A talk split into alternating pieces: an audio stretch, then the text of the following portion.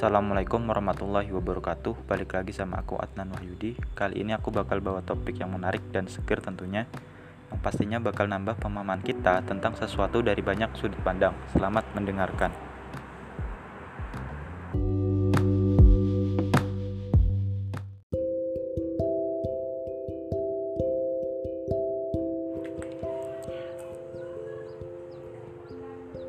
Berikut tulisan dari Arfarhan yang dikutip dari IDN Times. 6 derita mahasiswa tingkat akhir di tengah pandemi COVID-19. Bingung dan serba salah, mau berbuat apa?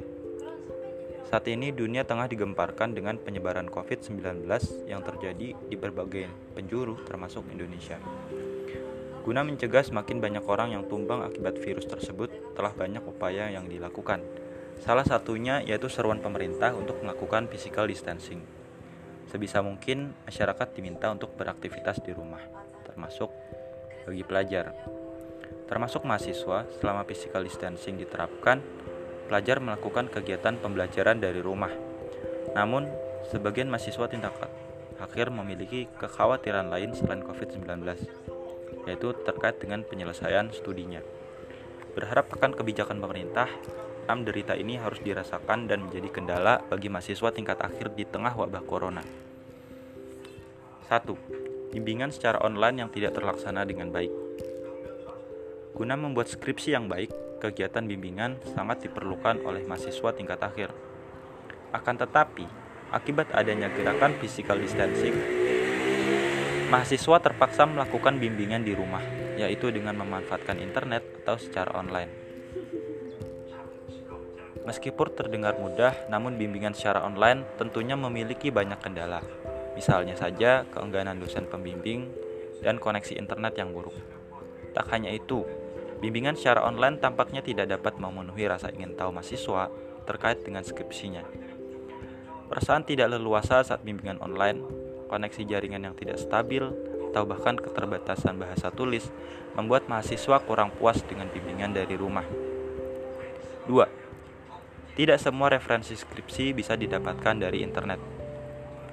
Meskipun teknologi sudah semakin maju, namun mahasiswa akhir tetap saja butuh perpustakaan sebagai sarana mendapatkan referensi skripsinya. Tidak semua buku yang diperlukan oleh mahasiswa tersedia secara online dan dapat diakses dengan bebas. Referensi seperti penelitian dengan judul serupa dan buku untuk kajian teori biasanya hanya bisa diakses dengan cara datang ke perpustakaan. Selain itu, Kalaupun buku yang diperlukan sebagai referensi dijual dan bisa dibeli dengan mudah, mahasiswa tentunya tidak bisa langsung membelinya karena kendala biaya.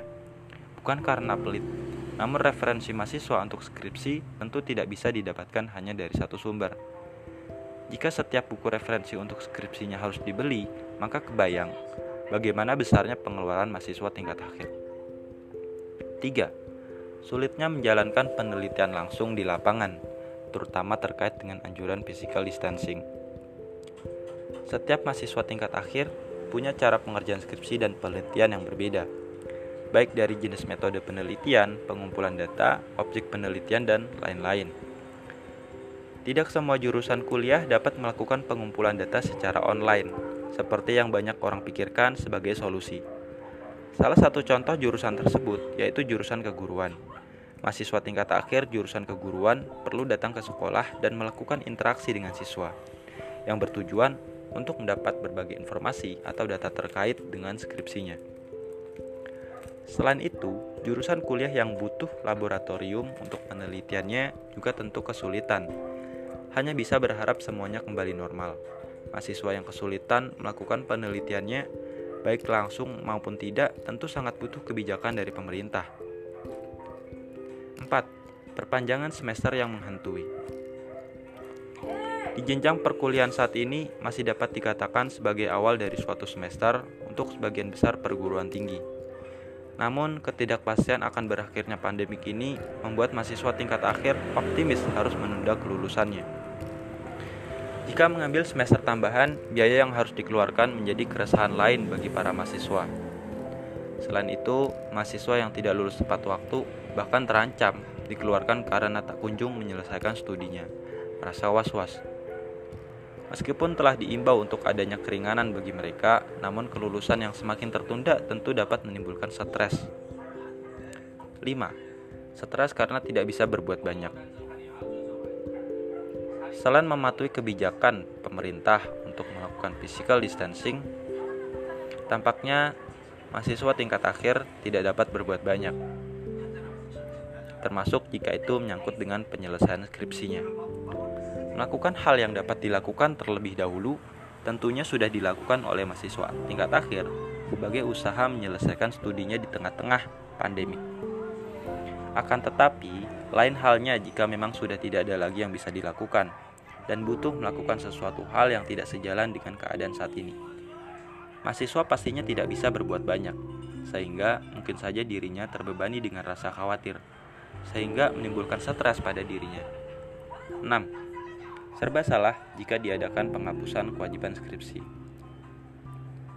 Bagi mahasiswa yang belum memulai skripsinya atau baru saja memulai, tentu penghapusan skripsi akan terasa sangat melegakan. Namun, berbeda dengan mahasiswa tingkat akhir yang sudah dalam tahap pengerjaan skripsi, apalagi yang telah menghabiskan banyak semester untuk mengerjakannya. Apabila skripsi dihapuskan, segala upaya mereka untuk pengerjaan itu terasa sia-sia. Selain itu, tentu penghapusan skripsi sangat tidak mungkin tanpa adanya kebijakan lain atau tugas akhir lain untuk menggantikannya. Bagi yang belum memulai apa-apa, syarat kelulusan baru seperti tugas akhir dalam bentuk lain tentunya menjadi angin segar. Namun sekali lagi, bagi yang telah berjuang untuk mengerjakan skripsinya, tentu hal tersebut seperti kerja dua kali bukan? Nah, itu dia 6 derita mahasiswa akhir di tengah pandemi COVID-19. Selain patuh terhadap imbauan pemerintah, mahasiswa tingkat akhir hanya bisa berharap pemerintah mengeluarkan kebijakan terbaik yang tentunya tidak berat sebelah. Semoga saja semua ini cepat berlalu dan semua dapat kembali pada tempatnya semula meski tidak berdekatan. Mari kita bersatu untuk lawan COVID-19.